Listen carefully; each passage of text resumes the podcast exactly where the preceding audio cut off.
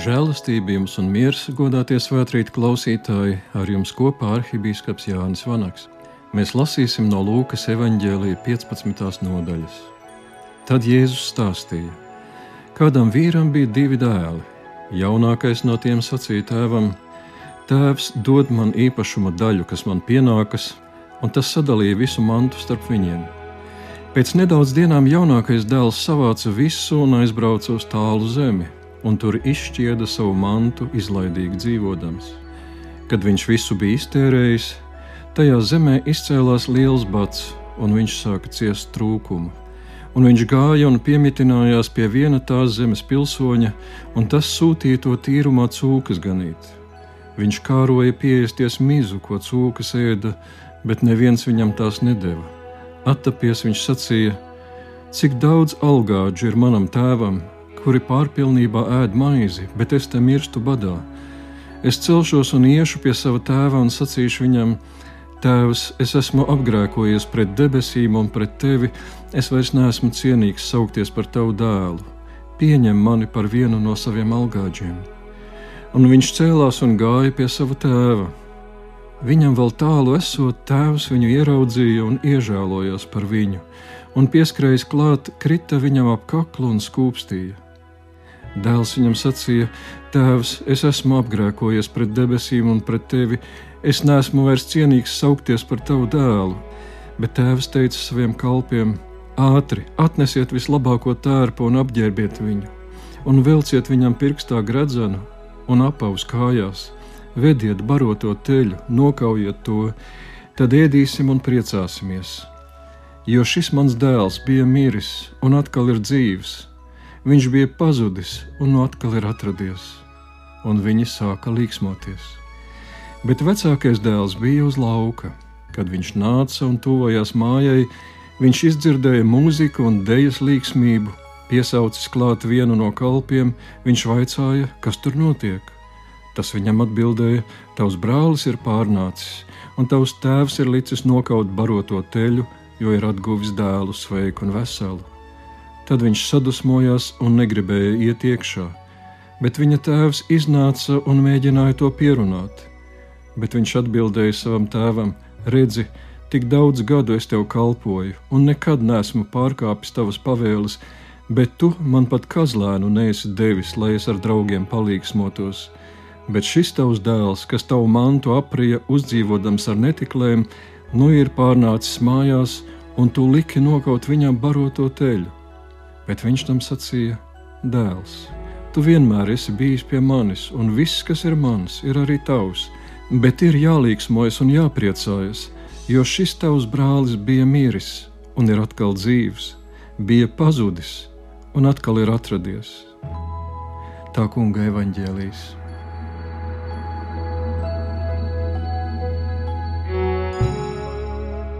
Dievs, Kungs, Svētais Gars, nāc un apgaismo savu ļaužu sirdis, iededz tajās savas mīlestības uguni un svētī mūsu tavu vārdu patiesībā. Tavi vārdi ir mūžīga patiesība. Āmen!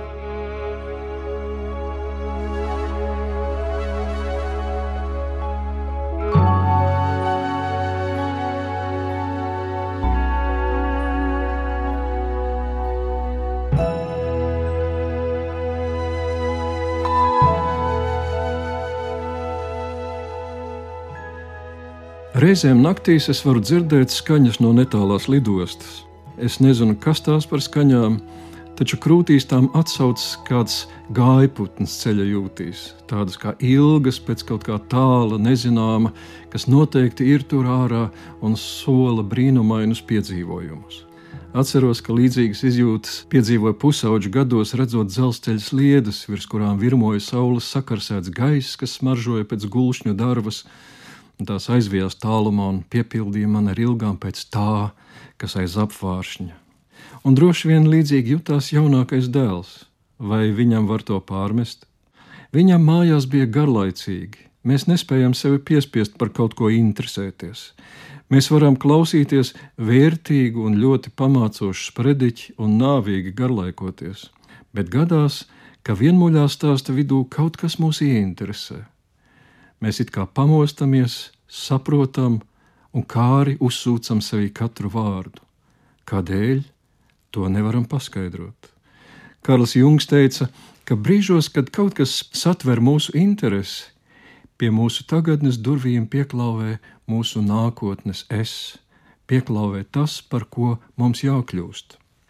Un īstenībā tie ir vērtīgi brīži, bez kuriem nav izaugsmes. Varētu teikt, ka manas mājas, mana ģimene, mana draudzene, mana pasaule par cik atpaliek no tā, kas tā varētu būt, par cik es atpalieku no tā, kas es varu būt un kam man jābūt. Vēlēšanās rīt būt kaut kam vairāk nekā šodien, salīdzināt nevis sevi ar citiem, bet sevi ar to, kāds bija vakar. To varētu ieteikt katram. Kā gan jaunākajam dēlam tas izvērtās tik ļauni?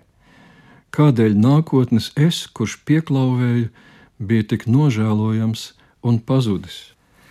Viņš nolēma, ka nākotnes klauvējienu var piepildīt tikai ārpus tēva mājām.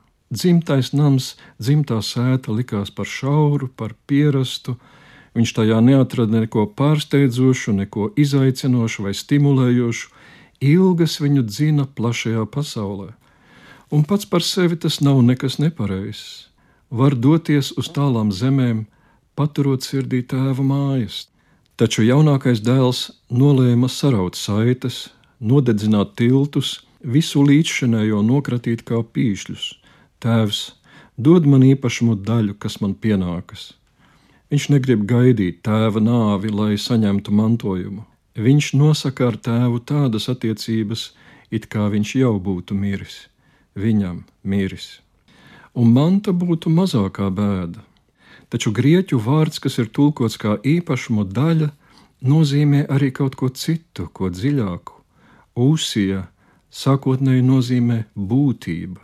Līdzīgi kā mēs sakām Nīkejas ticības apliecībā, homo uzsijos vienāds ar tēvu būtībā. Tēvs paklausa un dēls saņem savu tiesu. Laukus, lopus, kādas ēkas, taču atkal To, ko tēvs viņam deva, grieķu vārdā sauc bios, tas ir dzīve, dzīvība. Protams, ja raugāmies tīri sadzīviski, tad saruna būtu: Tēvs dod man piekrītošo mantas daļu, un tēvs sadala savu mantu starp dēliem. Taču Jēzus nerunā tīri sadzīviski, un mēs viņa stāstā varam uztvert atbalsojamies kaut ko citu. Tēvs dod man būtības daļu, kas man piederas un tēvs viņam atdod daļu savas dzīves, savas dzīvības. Īstenībā šeit notiek kaut kas liels un noslēpumains. Un ko jaunākais dēls ar to dara? Ar tēva dzīves un savas būtības daļu. Skaidrs, ka zemi un ēkas līdzi nepaņemsi, tādēļ viņš to pārvērš naudā. Un tas varēja būt ļoti sarežģīti. Jēzus laika kultūrā dēla rīcība bija neticams apvainojums tēvam. Mēs varam iedomāties, ar kādu nepatiku katrs godājams kaimiņš noraidīja pirkšanas piedāvājumus. Visdrīzāk dēlam nācās to lēti pārdot kādam negodīgam cilvēkam, taču viņš sita saujā un devās prom. Tik stipras bija viņa ilgas. Šādas izjūtas nav svešas pat veselām tautām un civilizācijām. Ik pa laikam tādas pārņem kādas ļaužu grupas, kam līdzšinējā kārtība, tradīcijas un tikumi šķiet pārāk šauri. Tik šauri, ka nevis pilnveidot vai attīstītos vajag, bet noslaucīt no galda, lai liktu vietā ko jaunu, daudz progresīvāku. Piemēram, vākt parakstus, lai simboliski atmestu Dievs svētī Latviju. Nav nozīmes, ka Dievs svētī Latviju dzima latviešiem veidojoties par nāciju, un to centās noslāpēt cara ierēģi. Nav nozīmes tam, kā to reizi pēc reizes atkārtoja pēdējos dziesmu svētkos pirms okupācijas, nojaušot baisos notikumus. Nav nozīmes tam, kā to slepeni dziedājām, satikušies kādu drosmīgu draugu mājās. Nav nozīmes, kā tā iedvesmoja barikādēs un Baltijas ceļā, kā to atkal dziedājām savās baznīcās. Tas viss ir tēva nams, ko nokratām kā pīšļus un atstājam aiz sevis, kas jāpārvērš citā ekvivalentā. Mēs izvēlēsimies citu himnu pēc patikšanas. Mēs vairs nevēršamies pie augstākas būtnes, mēs esam gājuši tālāk. Mūsu tēvs ir pērkons. Nav nekā jaunos pasaules. Jau pirms 2000 gadiem apustulis Pāvils rakstīja galotiešiem, bet tagad, kad jūs Dievu esat atzinuši, vai labāk sakot, kad Dievs jūs ir atzinis, kā tad jūs atkal atgriežaties pie nespēcīgajiem un nabadzīgajiem pirmspēkiem, un tiem no atkal no jauna gribat kalpot? Un kad kāda civilizācija cenšas izravēt no sirds tēva namu, tā piedzīvo sociālas un kultūras revolūcijas, kuras gluži kā jaunāko dēlu aizved pavisam necerētās vietās. Kā tad jauneklim klājās ar iztirgotās būtības kapitālu kabatā, brīvam no visa, kas saistīja ar tēvu un dzimto namu? Mēs lasām, ka viņš nonāca tālā zemē. Mums arī patīk eksotiski ceļojumi, vai ne? Taču atkal grieķu teksts ir daudz slāņaināks. Jaunākais dēls nonāk vietā Eishoran Makran. Makros tas nozīmē garš, tāls, ilgstošs. To saklausām pazīstamos vārdos kā makrokosms vai makroekonomika. Hora, tas visumā pareizi tulkots kā zeme vai apvidus, nozīmē arī tukšu vietu, atstarpi starp divām vietām vai robežām, un tas ir cēlies no vārda, kas apzīmē tukšumu, neaizpildītu telpu pametis aiz sevis tēva mājas, jaunākais dēls nonāk citā zemē ar citiem tikumiem, taču vienlaicīgi tālā un ilgstošā tukšumā. Kā imanta ziedoņa epifānijā par padomju laika migrantiem, lazdu lapas guļ uz saviem riekstiem, ozolu lapas guļ uz savām zīlēm, kādas lapas jūs esat? Jūs esat lapas vispār, jūs dzenā vējš, un kad jūs nomirsiet, caurvējš kauks jūsu zārkos. Mēs lasām, ka jaunākais dēls pārdotā mantojuma naudu izšķieda palaidnīgi, izlaidīgi dzīvodams. Uzdzīvē ar netiklēm tāds vēlāk būs vecākā brāļa minējums. Grieķu teksts tik konkrēti nesaka. Vārds asotos burtiski nozīmē neizglābts. Iztēloto vilinājumu zemē, tālajā tukšajā vietā, jauneklis dzīvoja neizglābtu dzīvi. Neko tādu viņš nebija ne gribējis, ne gaidījis, iztēlē viņš bija skatījis pavisam citādu dzīvi. Revolucionārā iztēle bieži atšķiras no īstenības, ko tā atnes. Dzīve bez robežām mēdz būt ļoti vilinoša. Ai, ja tikai es nokļūtu tur, ai, ja es tikai iekļūtu tur, tas būtu fantastiski, debesšķīgi. Patiesībā tad, kad esi nokļuvis un iekļuvis, sākas cīņa par izdzīvošanu. Kad viņam sāka trūkt, tēva dēls, mēs lasām, piemitinājās pie kāda tās zemes pilsoņa, un tas vēl ir viegli teikts.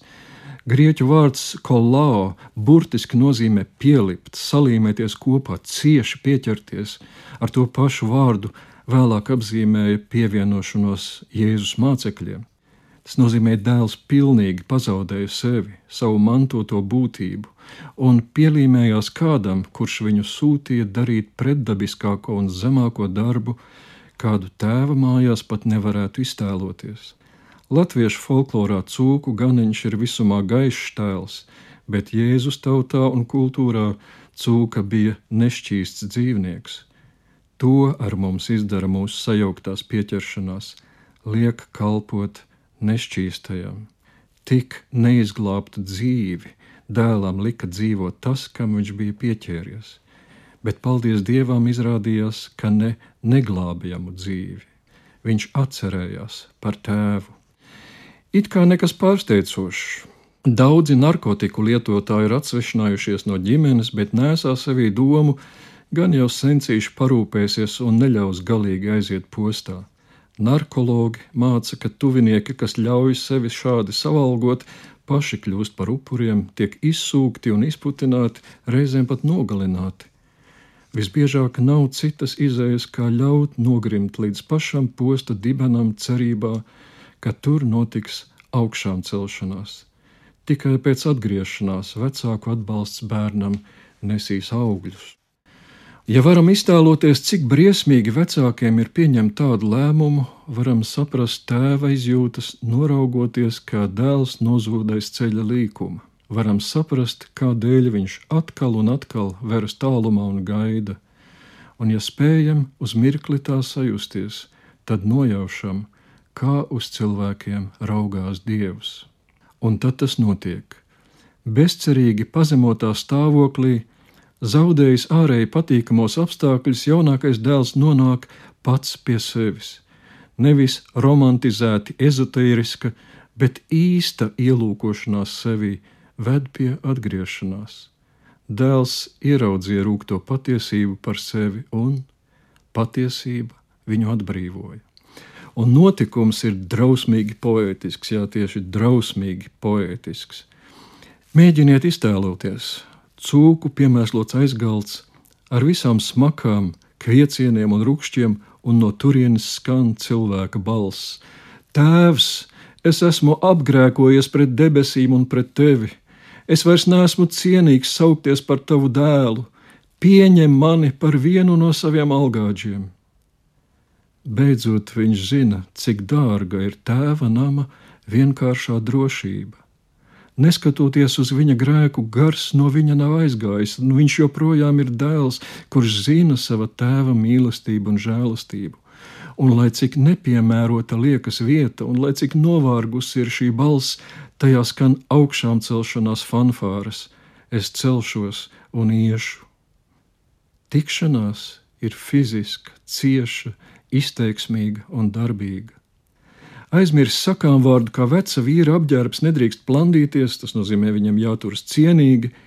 Tēvs svārkiem plīvojot skrien, dēlam pretī cieši viņu apskauj un skūpsta. Tēvam nav jautājumu, nav anketas, ko aizpildīt, nav pārmetumu un šaubu. Ja dēls, tad vienmēr dēls un pazemīgos dēla vārdus maigi apklusina viņa rīkojumu kalpiem. Ātri nesiet vislabāko tērpu, vilciet viņam pirkstā gredzenu un apaus kājās, kaujiet baroto teļu, tad ēdīsim un priecāsimies. Tērps, kurpes un zīmoga gredzens rāda pilnīgu atpakaļ pieņemšanu ģimenē. Un, ja spējam uztvert, kas tajā brīdī notiek tēva sirdī, tad esam ielūkojušies Dieva sirdī.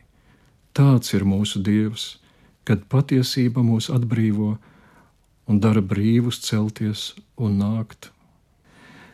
Vecākajam dēlam tas neliekas pareizi.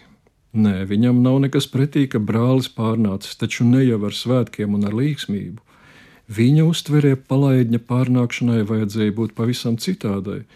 Viņš jūtas sašutis par tādu netaisnību, un mēs gluži labi varam ar viņu solidarizēties. Patiešām, kādēļ tēvs ir tik mīļš pret paklīdušo dēlu un tik vēsi izturas pret labo dēlu, kurš vienmēr palika mājās un viņa tuvumā, un aizvainojums norāja plāksteri augonim, kurš no iet pāri malām.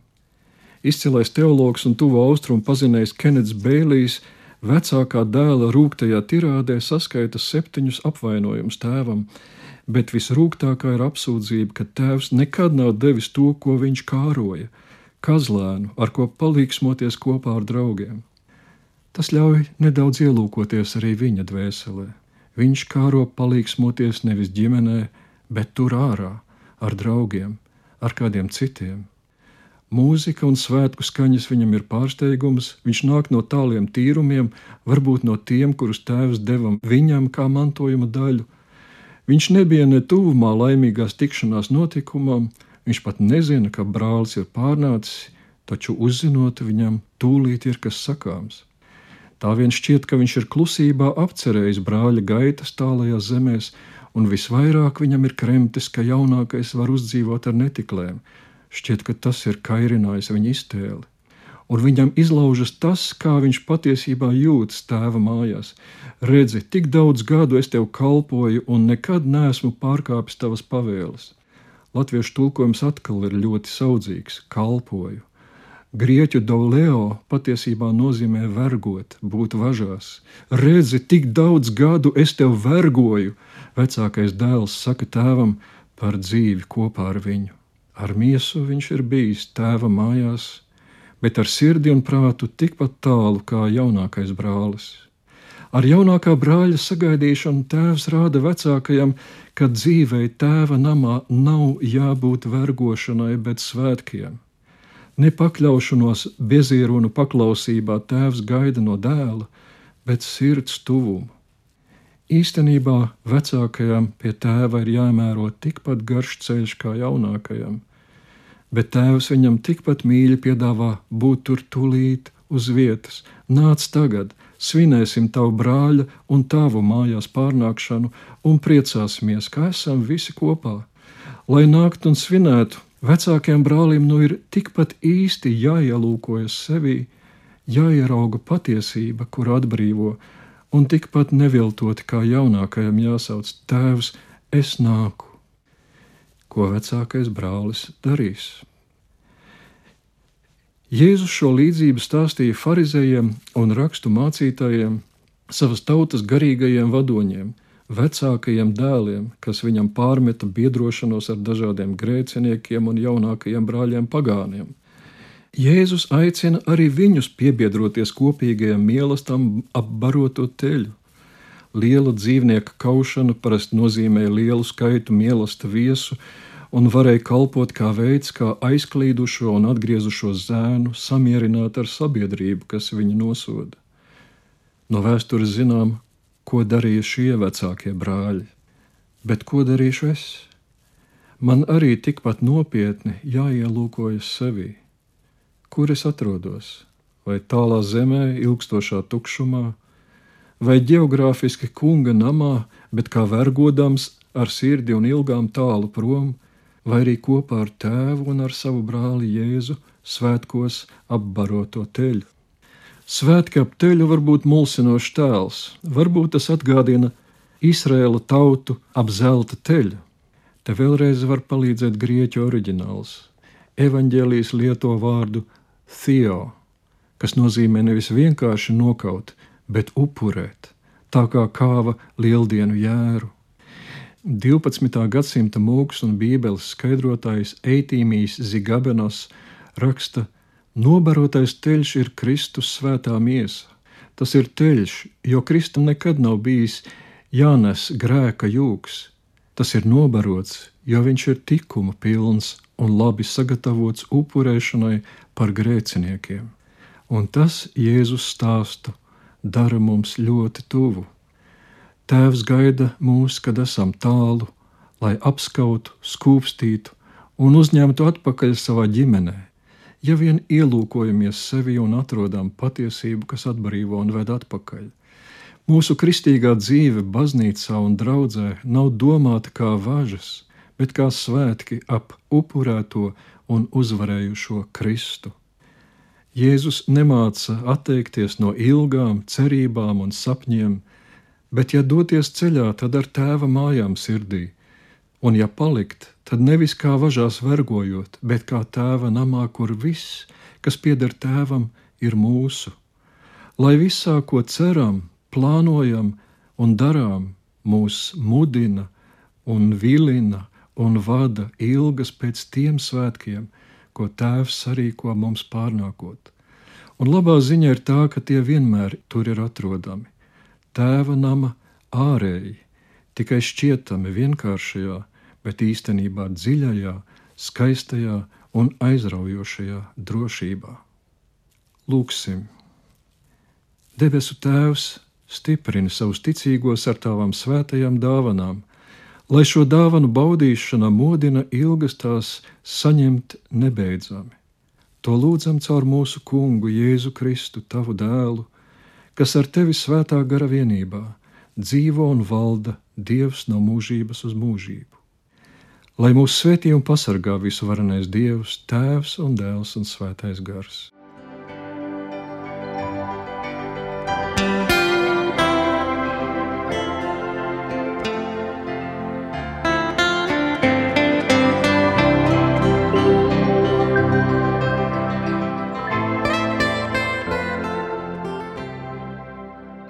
Ar jums šajā rītā priecājos būt es, arhibīskaps Jānis Vanaks.